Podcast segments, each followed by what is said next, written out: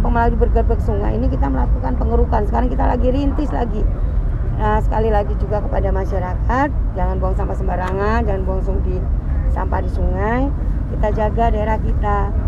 Karena kalau kita masih suka buang sampah di sembarangan terutama di sungai jangan salahkan.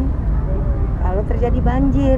Upaya apa eh, pengawasan DPR kita sudah melihat wali kota hari ini berbek sungai turun ke ini dan sekarang kan sedang konsentrasi masalah drainase ada anggaran 300 miliar di Dinas PU Kota Bandar Lampung tahun 2022 akan diprioritaskan untuk masalah daerah aliran sungai dan mempercantik drainase termasuk uh, pejalan kaki uh, trotoar.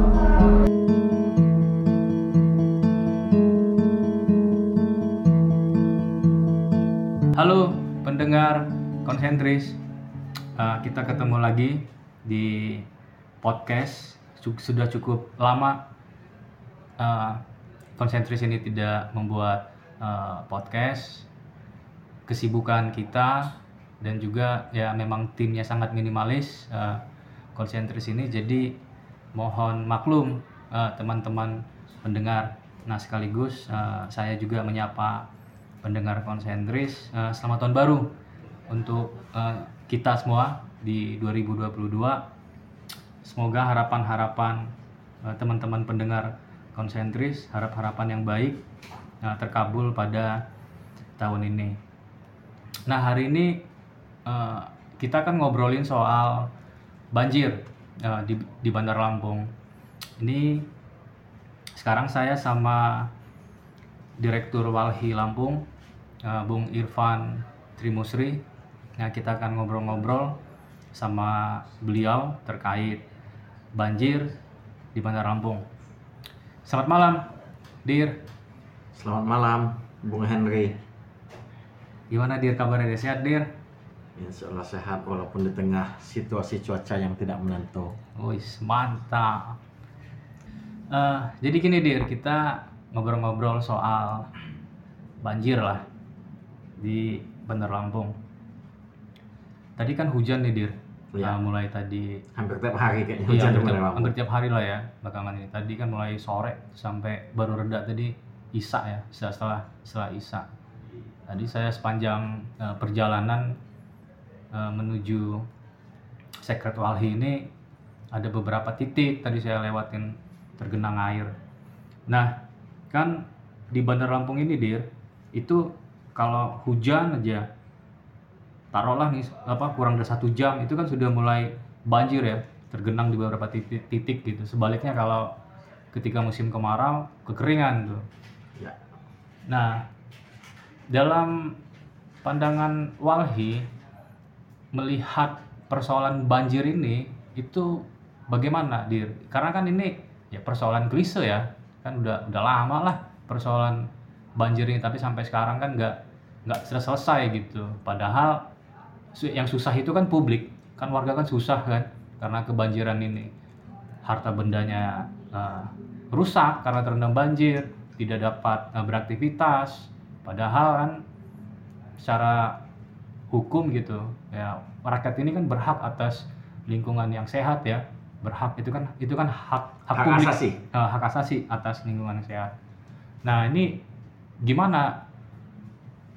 Menurut uh, Direktur Walhi problem banjir di Bandar Lampung ini apa yang apa sebenarnya masalah uh, masalah utamanya itu apa? Bisakah uh, hanya menyalahkan wah ini mah karena musim hujan karena atau ini memang hanya faktor cuaca doang atau ada problem yang lebih problematik sebenarnya dalam persoalan banjir ini dia Iya, eh, pertama saya ingin menekankan bahwa seperti Bung Henry sampaikan tadi, hak atas lingkungan yang sehat dan berkelanjutan ini merupakan hak asasi ya yang dijamin oleh konstitusi kita dan termuat jelas di dalam beberapa undang-undang seperti dalam Undang-Undang 39 tahun 1999 tentang hak asasi manusia dan juga di dalam Undang-Undang 32 tahun 2009 eh, tentang perlindungan dan pengelolaan lingkungan hidup. Nah persoalan banjir di kota Bandar Lampung ini kan ini semakin meningkat selama eh, lima tahun terakhir ini. Jadi baik secara eh, kuantitas dia terjadinya maupun secara objeknya dia semakin hari semakin bertambah. Kalau misal dulu di beberapa kecamatan saja di Kota Bandar Lampung yang rawan banjir ya hari ini hampir semua kecamatan di Kota Bandar Lampung memiliki eh, spot-spot wilayah yang sangat berpotensi terjadi banjir. Sebagaimana kita ketahui sebetulnya persoalan banjir ini ini merupakan persoalan yang struktural ya. Tidak bisa persoalan banjir hanya dikaitkan dengan derasnya intensitas hujan atau dengan misal ada yang menganggap dalam tanda kutip perilaku masyarakat yang masih membuang sampah ke sungai ya bukan persoalan itu semata dan itu bukan persoalan yang menjadi hal yang krusial. Nah, persoalan struktural yang kita maksud di sini kan persoalan banjir yang ada di Kota Bandar Lampung ini menurut kita ini dipengaruhi oleh dua hal. Pertama terkait dengan e, situasi global di mana saat ini kita sedang berada di fase atau situasi krisis iklim di mana yang memang e, tidak tentunya terjadinya e, waktu kapan dia hujan, kapan dia panas dan juga terkait dengan e, intensitas ketika dia panas-panas berlebih sehingga kekeringan ketika dia hujan ya hujan yang berlebih. Nah selain itu juga selain masalah global tentunya di tingkat daerah persoalan banjir yang terjadi di Kota Bandar Lampung ini kan ini juga dipengaruhi oleh eh, bagaimana situasi daya dukung daya tampung lingkungan dan juga eh, terkait dengan kinerja atau perform pengelolaan lingkungan yang dilakukan oleh pemerintah Kota Bandar Lampung. Tentunya walaupun hari ini kita misal dihadapkan pada situasi krisis iklim, jika memang daya dukung daya tampung lingkungan kita masih optimal, pengelolaan lingkungan kita dilakukan dengan baik, tentunya kan eh, potensi-potensi banjir itu dapat diminimalisir di Kota Bandar Lampung gitu. Tapi yang kita lihat selama kurun waktu lima tahun terakhir ini ya banjir yang ada di Kota Bandar Lampung itu terus bertambah baik dari segi intensitasnya. Misalnya satu tempat itu yang dulunya hanya setahun hanya sekali namun bisa setahun mencapai tiga kali empat kali. Yang dulunya misal hanya di lima titik mungkin hari ini sudah di setiap titik di eh, setiap kecamatan itu pasti ada titik-titik yang terendam banjir. Dan selain itu juga banjir-banjir yang ada di Kota Bandar Lampung ini ya akibat buruknya pengelolaan lingkungan tersebut tentunya eh, kalau mau kita ambil benang merahnya ya banjir di Kota Bandar Lampung ini banjir yang dalam tanda kutip dibuat oleh pemerintah gitu ya. Dibuat dalam arti ya eh, kebijakan-kebijakan yang diambil keputusan-keputusan yang dikeluarkan pemerintah itu itu tidak melihat berbagai aspek secara komprehensif terutama aspek lingkungan hidup dan aspek e, kebencanaan sehingga banjir terus terjadi di kota Bandar Lampung dan menurut kita ya sampai dengan lima tahun ke depan juga banjir-banjir ini akan akan terus atau akan masih terjadi jika tidak ada upaya yang serius dan ambisius yang dilakukan oleh pemerintah Kota Bandar Lampung. Liputannya uh, konsentris Tempo Hari soal uh, banjir di Bandar Lampung itu melihat melihat bahwa uh, banjir di Bandar Lampung ini tidak bisa dipisahkan dari minimnya ruang terbuka hijau kemudian alih fungsi lahan, lalu uh, tidak berfungsinya atau rusaknya banyak bukit, kemudian banyak sungai yang uh, mendangkal. Nah, bagaimana uh, pendapat uh, Walhi? Apakah uh, banjir yang terjadi di Bandar Lampung ini ada hubungannya dengan semakin tergerusnya, semakin minimnya ruang terbuka hijau dan bagaimana uh, Walhi uh, melihat uh, kebijakan pemerintah selaku regulator dalam mengatasi uh, banjir itu apakah sudah menjawab permasalahannya gitu. Karena karena konsentris melihat bahwa akar masalahnya ini adalah uh, beralihnya fungsi lahan. Banyak banyak lahan itu yang beralih fungsi sehingga menurun dia fungsinya. Jadi banjir banjir itu itulah mengapa sekarang uh, banjir di Bandar Lampung itu hujan sebentar banjir dan ada daerah yang tadinya daerah itu tangkapan air seperti Kemiling justru banjir kan. Mestinya kan Kemiling ini nggak banjir gitu logikanya kan. Nah ini gimana, eh, Bung? Iya, apa yang Bung Henry sampaikan itu, itu adalah hal yang sangat relevan dan sangat berkorelasi ya terhadap fenomena banjir yang selama ini terjadi di Kota Bandar Lampung. Kita juga eh, selalu menyampaikan persoalan-persoalan kebencanaan ini, terutama bencana banjir ini eh, kepada para pengambil kebijakan ya, baik itu pemerintah maupun legislatif dalam hal ini DPRD Kota Bandar Lampung. Memang ada beberapa hal yang mempengaruhi kenapa bisa ter, eh, banjir semakin masif terjadi di Kota Bandar Lampung. Seperti saya sampaikan di awal tadi, eh, lemahnya daya dukung dan daya tampung lingkungan hidup. Kemudian juga eh, buruknya pengelolaan lingkungan hidup di Kota Bandar Lampung buruknya pengelolaan lingkungan hidup di Kota Bandar Lampung ini ini bisa kita buktikan, bisa kita lihat langsung bagaimana hari ini misal ketersediaan ruang terbuka hijau yang seharusnya minimal itu 20% ruang terbuka hijau publik ya. Tapi pada kenyataannya menurut klaim pemerintah, ini klaim pemerintah ada 11,08%. Ini kalau klaim pemerintah. Kemudian di tahun 2020 Walhi mencoba melakukan kajian bahwa ternyata ruang terbuka hijau yang ada di Kota Bandar Lampung itu, itu itu tidak sampai di angka 11,8 persen, melainkan berada di sekitar angka 9,5 persen. Kemudian hal lainnya selain ruang terbuka hijau, misal eh, buruknya sistem drainase di Kota Bandar Lampung. Kemudian juga eh, bagaimana kondisi kualitas sungai-sungai yang ada di Kota Bandar Lampung hari ini. Dan kemudian yang tidak kalah penting lagi juga Eh, kegiatan-kegiatan yang bersifat alih fungsi lahan itu juga turut menyumbang potensi banjir yang ada di Kota Bandar Lampung.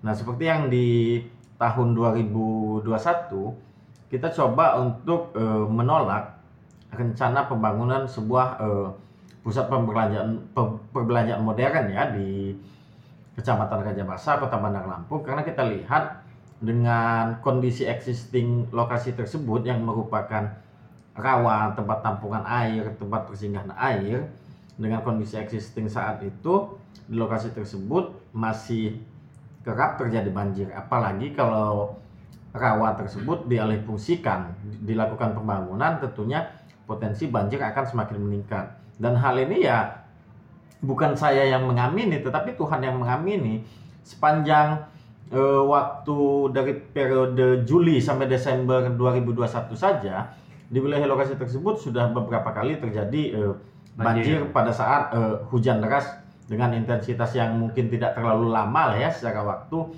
dia banjir yang cukup menyita perhatian publik dan tentunya banjir tersebut juga secara dampak sangat dirasakan oleh masyarakat-masyarakat di wilayah sekitar. Nah, kita lihat uh, sampai dengan hari ini justru uh, dengan penerbitan izin untuk alih fungsi lahan untuk pembangunan pusat perbelanjaan tersebut itu mencerminkan bagaimana keberpihakan pemerintah terhadap lingkungan hidup, bagaimana keberpihakan pemerintah terhadap masyarakat itu sangat minim. Justru pemerintah sangat berpihak terhadap korporasi atas nama investasi, atas nama pendapatan asli daerah atau PAD. Pemerintah istilahnya mengamini semua kebijakan-kebijakan yang bertentangan dengan kepentingan publik, yang bertentangan dengan kepentingan lingkungan hidup. Nah, kemudian situasinya hari ini juga kita sedang dihadapkan dalam uh, upaya pemerintah Kota Bandar Lampung bersama DPRD Kota Bandar Lampung yang akan melakukan revisi Perda nomor 10 tahun 2011 tentang rencana tata ruang wilayah Kota Bandar Lampung atau RTRW Kota Bandar Lampung. Nah, dalam rencana revisi tersebut kita sama sekali tidak melihat ada upaya-upaya untuk memperbaiki Kota Bandar Lampung yang lebih ambisius agar Kota Bandar Lampung menjadi sebuah kota yang berkelanjutan, agar Kota Bandar Lampung menjadi sebuah kota yang ramah lingkungan. Justru di dalam rancangan perda tersebut kita melihat e, akan semasifnya, akan semakin masifnya upaya upaya-upaya eksploitasi akan dilakukan di Kota Bandar Lampung. Seperti misal kita lihat e, dalam pencadangan kawasan lindung saja yang seharusnya idealnya kawasan lindung itu minimal 30% dari luas wilayah ternyata di dalam rancangan perda tersebut hanya 22,69%. Kemudian eh, lokasi-lokasi yang ditetapkan sebagai ruang terbuka hijau yang tadinya klaim pemerintah Kota Bandar Lampung 11,08% ternyata di dalam rencana revisi dia hanya e, dimasukkan sebesar 2, 39%. Jadi bukannya akan ada upaya penambahan hmm. ruang terbuka hijau, justru akan ada upaya pengurangan. Nah, begitu juga dengan e, fenomena yang hari ini sering kita hadapi yaitu terkait dengan aktivitas pertambangan yang ada di Kota Padang Lampung. Jika di dalam Perda RTRW Kota Bandar Lampung yang lama, Perda 11 2010, itu total luasan kawasan pertambangan 176 hektar. Dan hari ini di dalam rancangan perda tersebut itu berubah menjadi 187 hektar yang artinya ada penambahan Bertambah sekitar jadi ya? 21 hektar.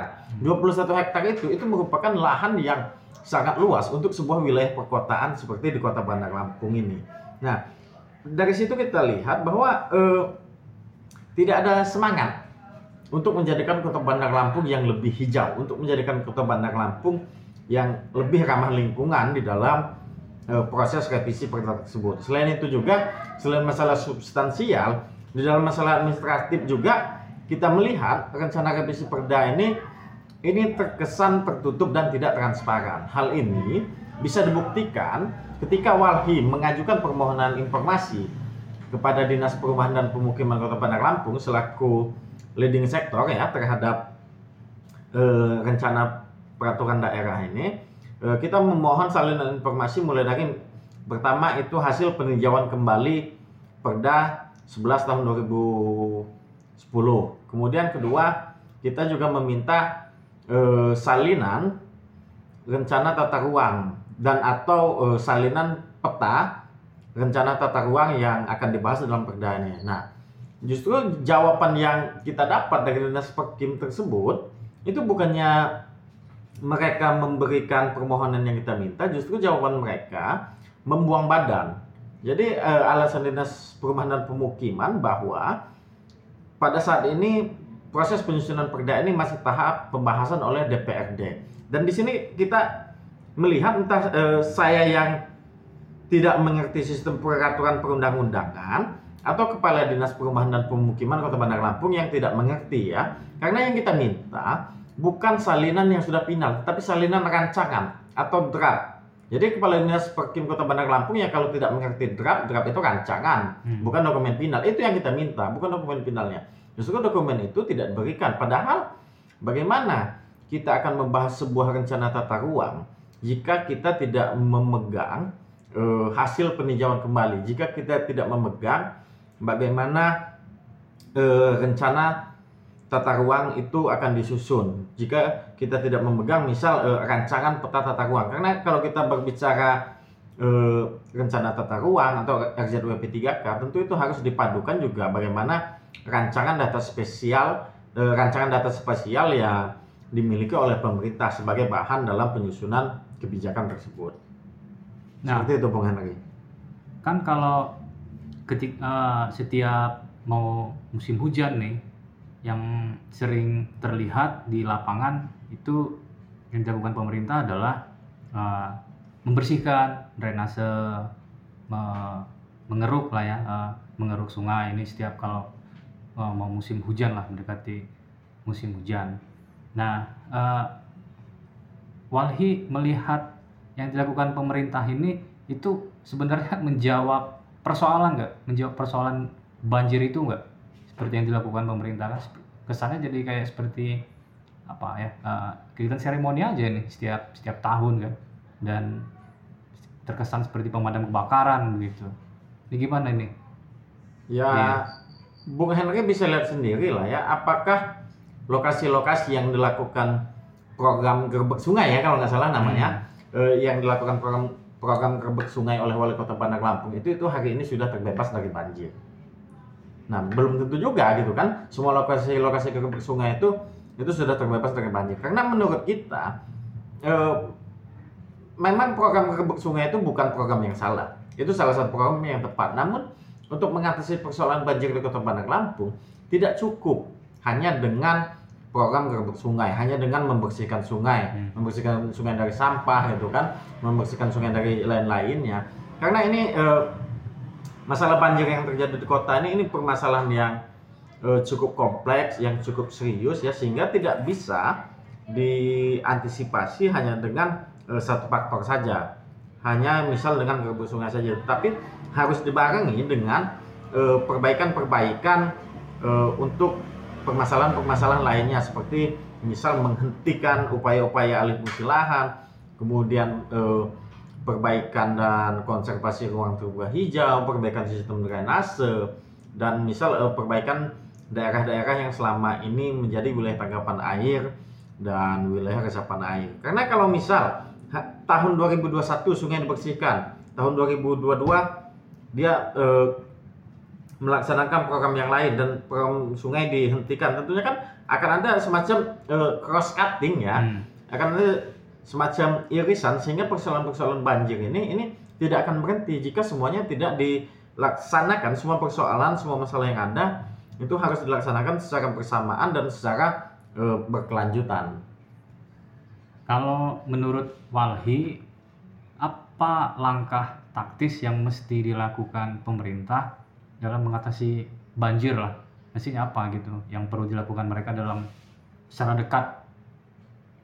Ya karena berbagai persoalannya sudah saya sampaikan tadi kan, ya tentunya kan eh, saya juga berharap pemerintah itu mikirnya ya selama ini eh, wali kota kan kupingnya cuma dua kalau secara dia pribadi. Hmm. Tapi kan ada banyak kepala-kepala dinas, SKPD maupun tenaga-tenaga ahli wali kota yang bisa menyampaikan persoalan-persoalan eh, lingkungan hidup yang ada di kota Bandar Lampung hari ini gitu kan. Nah kita berharap juga misal eh, mulai dari mencukupi ruang terbuka hijau, kemudian menghentikan alih fungsi lahan, menjaga dan mengkonservasi bukit dan wilayah tangkapan air serta wilayah konservasi air, kemudian eh, perbaikan fungsi sungai sampai kepada perbaikan sistem drainase itu dilakukan secara bersama-sama oleh eh, pemerintah kota Hmm. Bandar Lampung. Kemudian juga bagaimana misal eh, pemerintah bisa memberdayakan masyarakat-masyarakat di sekitar itu untuk me-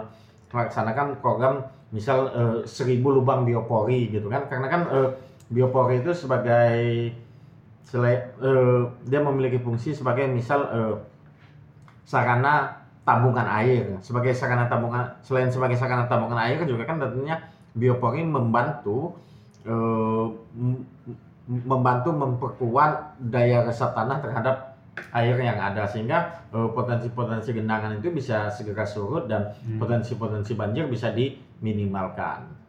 Ya kalau kemarau pun ada cadangan air ya. Kemarau pun ada cadangan air tentunya kan melalui eh, biopori dan juga bisa juga melalui eh, sumber resapan yang dibuat di wilayah-wilayah pemukiman. Nah menurut Walhi itu sangat bisa dan mungkin nggak itu dilakukan oleh pemerintah yang tadi disampaikan Walhi tadi.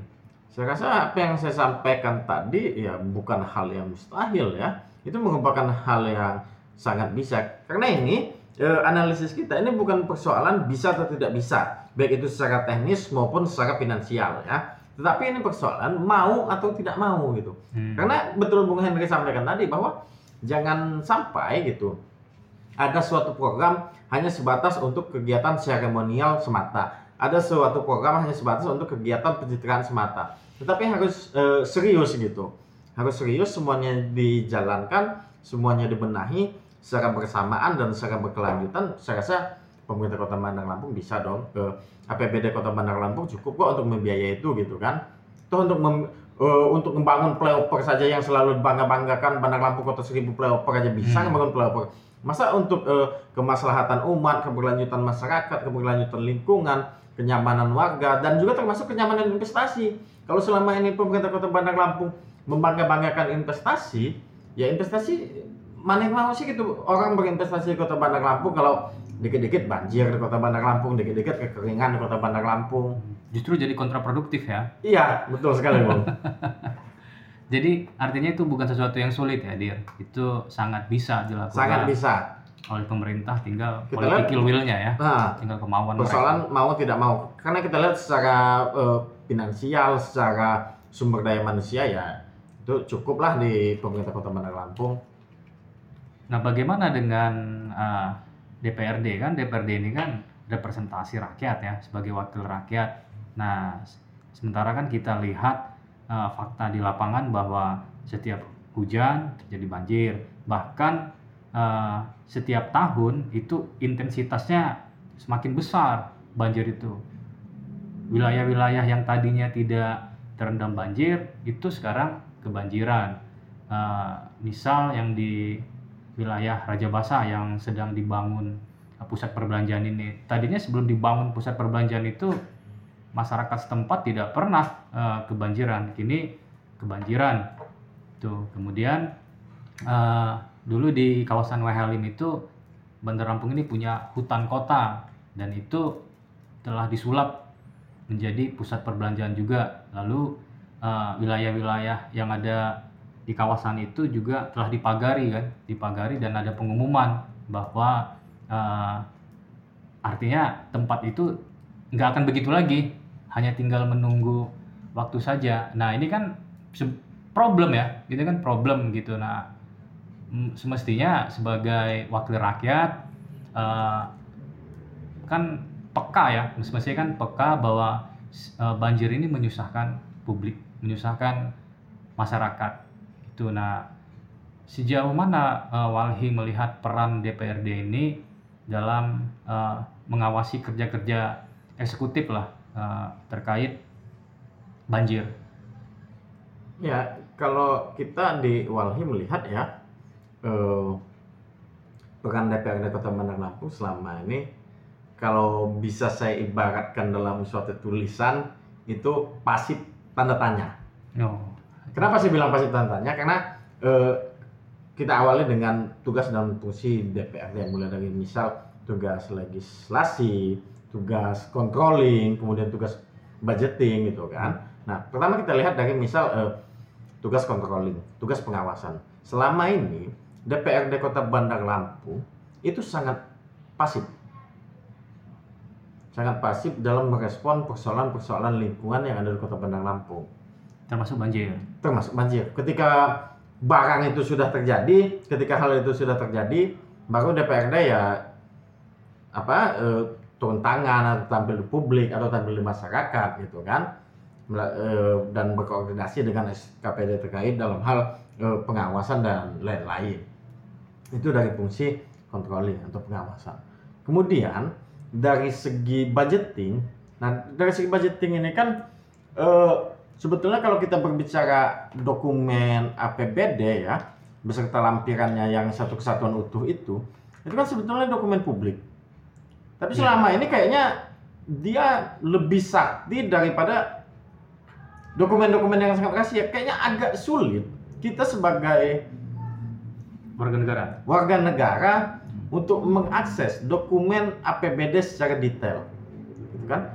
Jadi dokumen APBD ini yang seharusnya dia inklusif dokumen publik tapi dia justru cenderung menjadi sebuah dokumen yang sangat eksklusif tertutup ya sangat-sangat tertutup yang hanya diketahui oleh minimal level kepala dinas hmm, yang hanya ya. diketahui oleh wali kota dan yang hanya diketahui oleh uh, eh, DPRD Kota Bandar Lampung mungkin juga uh, kalau dia karena terpaksa juga diketahui oleh KPK atau BPK gitu kan. Padahal nah, itu uang rakyat. Padahal itu uang rakyat. Jadi eh, semacam misal semacam omong kosong juga ketika kita mendengar misal pemerintah menggelontorkan sekian miliar untuk perbaikan lingkungan. Nah, sekian miliar itu kan seperti apa gitu? Kita nggak tahu gitu. Komposisi pembiayaan itu itu itu untuk kegiatan apa saja, untuk pembelian apa saja, untuk jasa apa saja, dan di mana saja itu kita nggak tahu gitu kan secara detail. Karena kan eh, sekuat-kuatnya iman ketika kita mendapatkan salinan informasi APBD itu, itu sudah berupa dokumen gelondongan, tidak dia secara detail, tidak secara rincian per kegiatan gitu. Kegiatan apa saja yang akan dilakukan dan lain-lain gitu.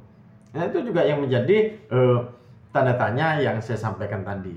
Karena dokumen yang seharusnya dokumen publik bisa diakses oleh semua warga negara tetapi ternyata tidak hanya segelintir eh, birokrasi baik itu eksekutif maupun legislatif saja yang bisa mengakses.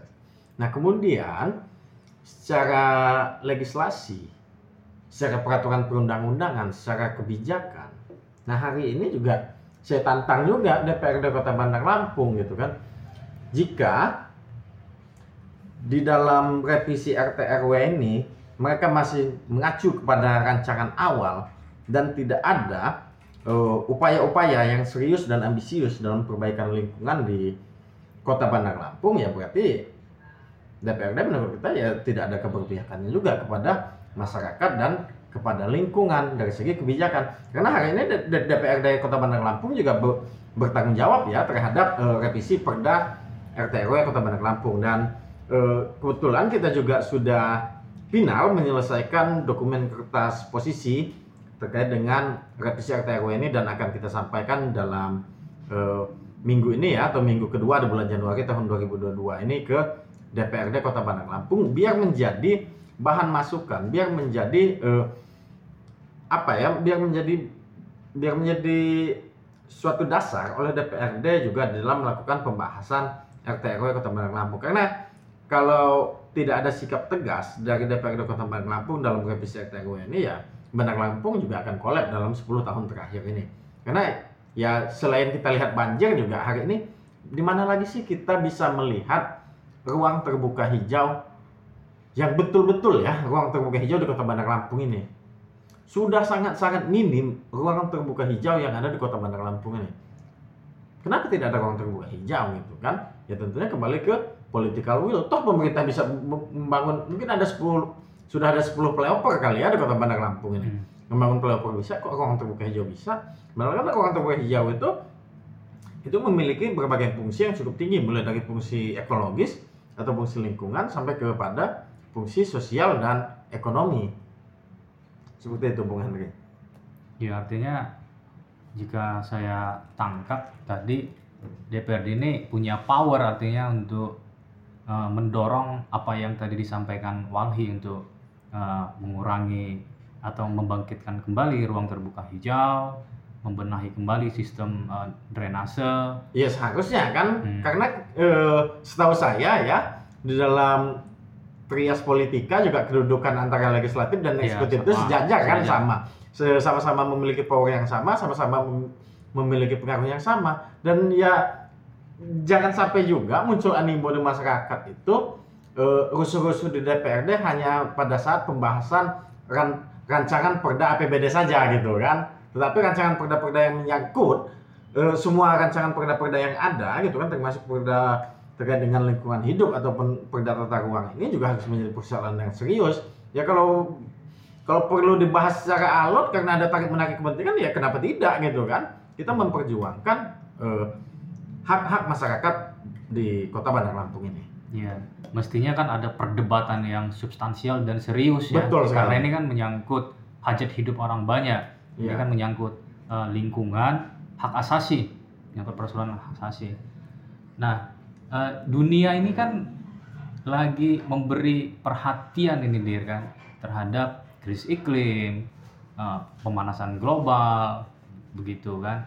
Uh, kita tahu bahwa uh, banjir ini tidak tidak ansih ya, tidak tidak hanya semata-mata itu faktor cuaca, tetapi kan dengan suhu iklim yang makin uh, memanas ini kan dapat memicu ya, dapat memicu uh, terjadinya bencana-bencana e ekologi tadi di antaranya banjir kalau musim hujan, uh, kemarau kalau dia uh, kering, maksudnya kering kalau dia kemarau ya kering kalau dia uh, kemarau. Nah artinya kan uh, krisis iklim itu dapat mempercepat bencana-bencana uh, ekologi itu nah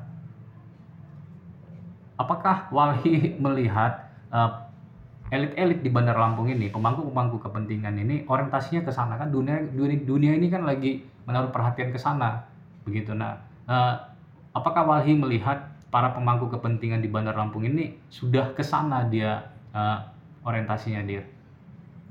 Ya, secara substansial uh, ataupun kerja nyata kita lihat belum mengarah ke sana, masih sangat jauh uh, pemerintah Kota Bandar Lampung jika eh, berbicara krisis iklim serta dampak-dampaknya. Nah, padahal sebetulnya pemerintah Kota Bandar Lampung walaupun Bandar Lampung ini wilayahnya yang cukup kecil ya secara geografis, ini memiliki kepentingan yang sangat luar biasa terhadap krisis iklim yang terjadi. Kepentingan seperti apa? Misal eh, Bandar Lampung ini juga memiliki kawasan pesisir.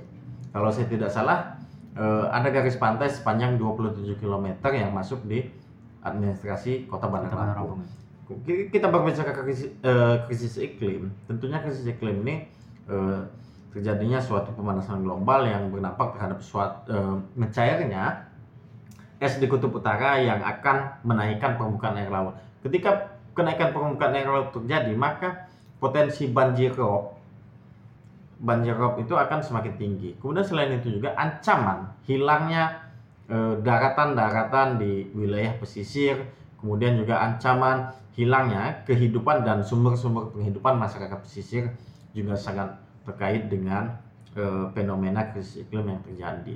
Nah, bagaimana misal eh, karena tadi kita berbicara dampak yang dirasakan, lalu apa yang bisa dilakukan pemerintah baik itu hal-hal yang kecil maupun eh, hal-hal lainnya yang bisa dilakukan oleh pemerintah Kota Bandar Lampung? Tentu pemerintah Kota Bandar Lampung juga memiliki eh, peluang dan potensi gitu ya untuk eh, membantu pemerintah Indonesia menekan laju perubahan iklim karena eh, pemerintah Indonesia sendiri salah satu negara yang menandatangani komitmen perjanjian Paris ya yang Paris Agreement ya. ya Paris Agreement yang disepakati dalam eh, konferensi perubahan iklim tahun 2015 di Paris Prancis waktu itu dan kemudian juga pemerintah Indonesia eh, telah menyerahkan dokumen NDC atau Na- National eh, Determine Contribution kalau tidak salah kepanjangannya NDC kepada eh, Sekretariat UNFCCC gitu kan. Nah pemerintah Kota Bandar Lampung bisa mem- eh, memberikan kontribusi atau memberikan dukungan dalam rangka menekan laju perubahan iklim misal melalui misal eh,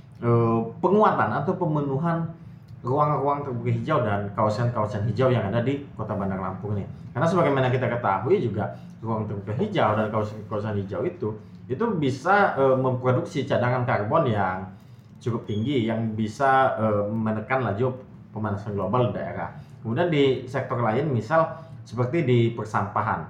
Persampahan ini juga eh, salah satu sektor yang turut serta menyumbang laju perubahan iklim. Bagaimana misal pemerintah Kota Bandar Lampung bijak mengelola sampah-sampah yang ada di Kota Bandar Lampung atau bahkan kalau mau lebih progresif lagi bagaimana misal pemerintah Kota Bandar Lampung membuat sebuah kebijakan pembatasan penggunaan eh, barang-barang yang tidak ramah lingkungan? Misal pembatasan penggunaan plastik sekali pakai di ya bisa dimulai di tempat-tempat retail terlebih dahulu lah ya gitu.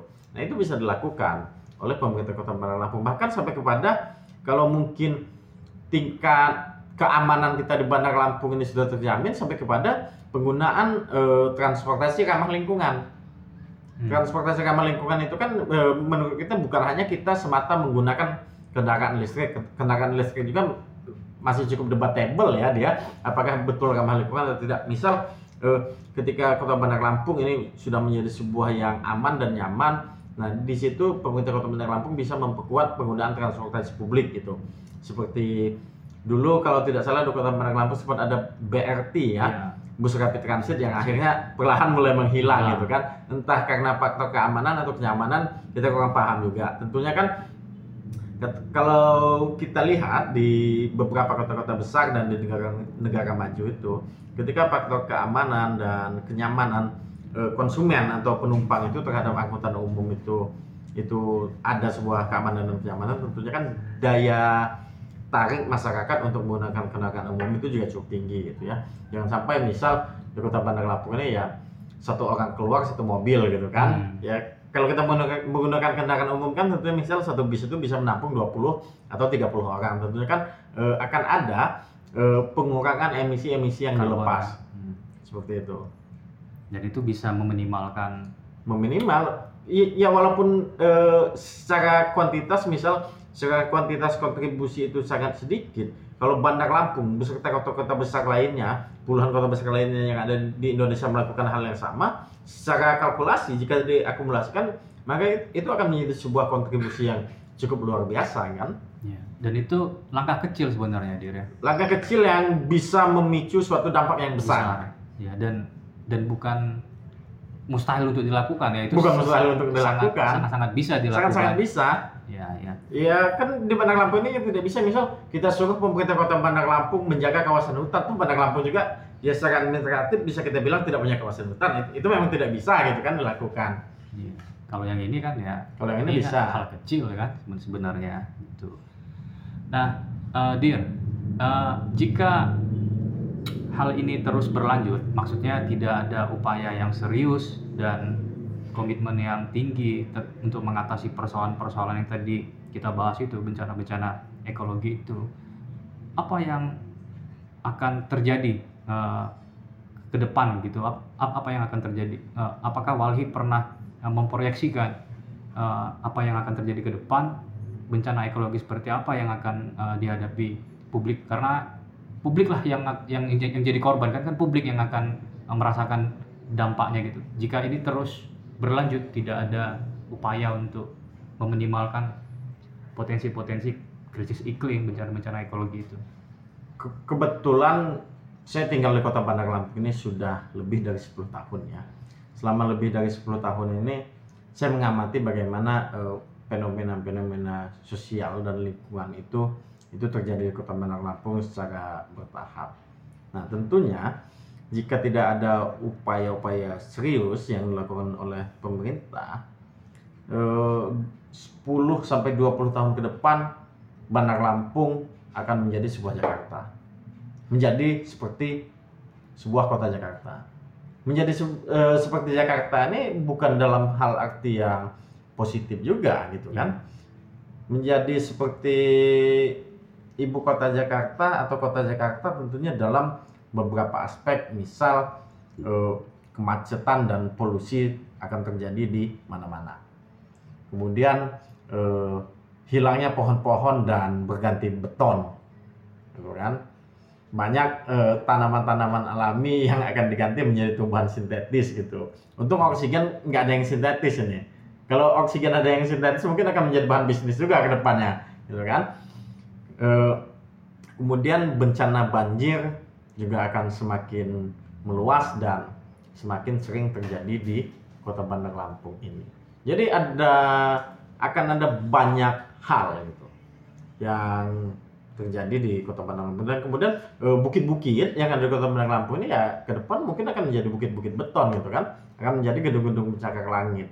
Makanya kan eh, kalau kita lihat Jakarta hari ini ya walaupun secara eh, secara pertumbuhan ekonomi yang sangat tinggi secara bisnis yang sangat terpusat di sana gitu kan tentunya ya secara aspek kenyamanan dan keberlanjutan lingkungan di Jakarta sangat minim.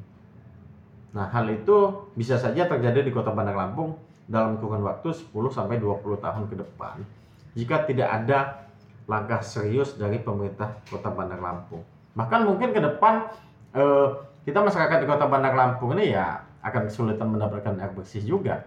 Jika misal eh, pertumbuhan-pertumbuhan pembangunan gedung-gedung, pembangunan eh, sarana dan prasarana lainnya ya yang atas nama investasi itu terjadi maka kita akan berebut untuk mendapatkan air.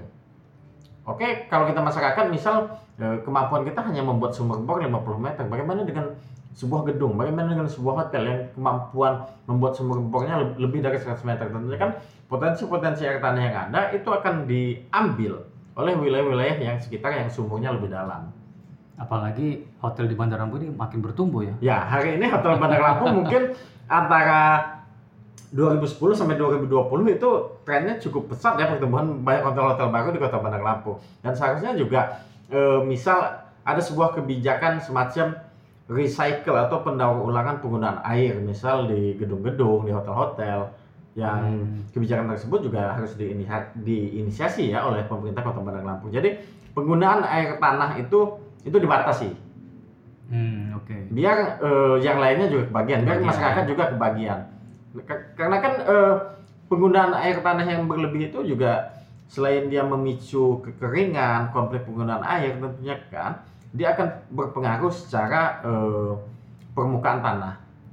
Karena jika air bawah tanah itu itu semakin hari semakin menipis, tentunya akan ada potensi eh, permukaan tanah itu semakin menurun seperti yang terjadi di Jakarta hari ini. Jadi eh, tadi saya dengar penjelasan Bung Irfan ini, saya teringat film The Lorax. Itu film apa tuh? Jadi, jadi film The Lorax ini eh, ada sebuah eh, kota itu yang tadinya dia hijau, kemudian terjadi penebangan besar-besaran eh, demi mengeruk eh, keuntungan ekonomi. Tidak ada lagi pohon, lalu kemudian eh, masyarakatnya eh, pakai pohon sintetis, eh, udara udaranya itu berbayar gitu. Nah, tadi dengar cerita Bung Irfan tadi betul membayangkan seperti itu. Tapi semoga nggak terjadi ya. Semoga tidak terjadi. Iya. Walaupun sebetulnya secara nasional eh, fenomena bencana akibat upaya eksploitasi yang berlebihan itu juga sudah terjadi di Indonesia seperti misal kita lihat di Kalimantan dan Papua yang hari ini juga menjadi wilayah yang Ya. terjadi banjir gitu kan. Apalagi Padahal kan- banjir iya. Papua ya. Kalau kita berbicara eh, tutupan lahan, tentunya kan ya mungkin di dalam pelajaran IPA ketika ke- zaman kita SD ataupun SMP ya dengan slogannya Papua paru-paru dunia lah segala Ya. macam katanya sebagai hutan hujan tropis ternyata hari ini juga ya terjadi banjir juga di wilayah-wilayah tersebut gitu. Iya, iya. Baik, eh, terima kasih nih Dir Siap ketua. atas eh, bincang-bincangnya. Eh, demikian pendengar eh, konsentris. Eh, tadi kita eh, mendiskusikan persoalan banjir di Bandar Lampung.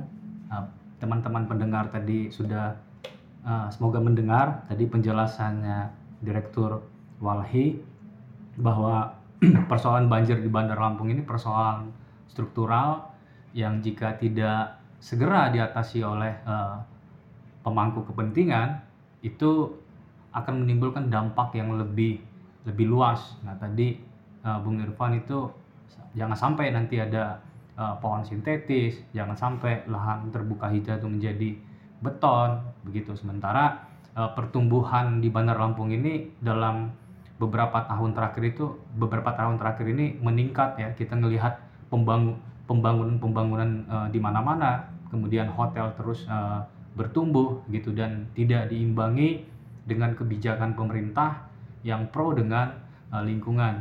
Nah sementara eh, rakyat punya wakilnya di di dewan ini seperti yang tadi kita diskusikan tidak maksimal kerja kerjanya mestinya eh, fungsi pengawasan atau fungsi kontrol itu lebih eh, maksimal. Demikian eh, pendengar konsentris. Sampai jumpa lagi eh, di sudut konsentris dengan topik yang lainnya. Salam sehat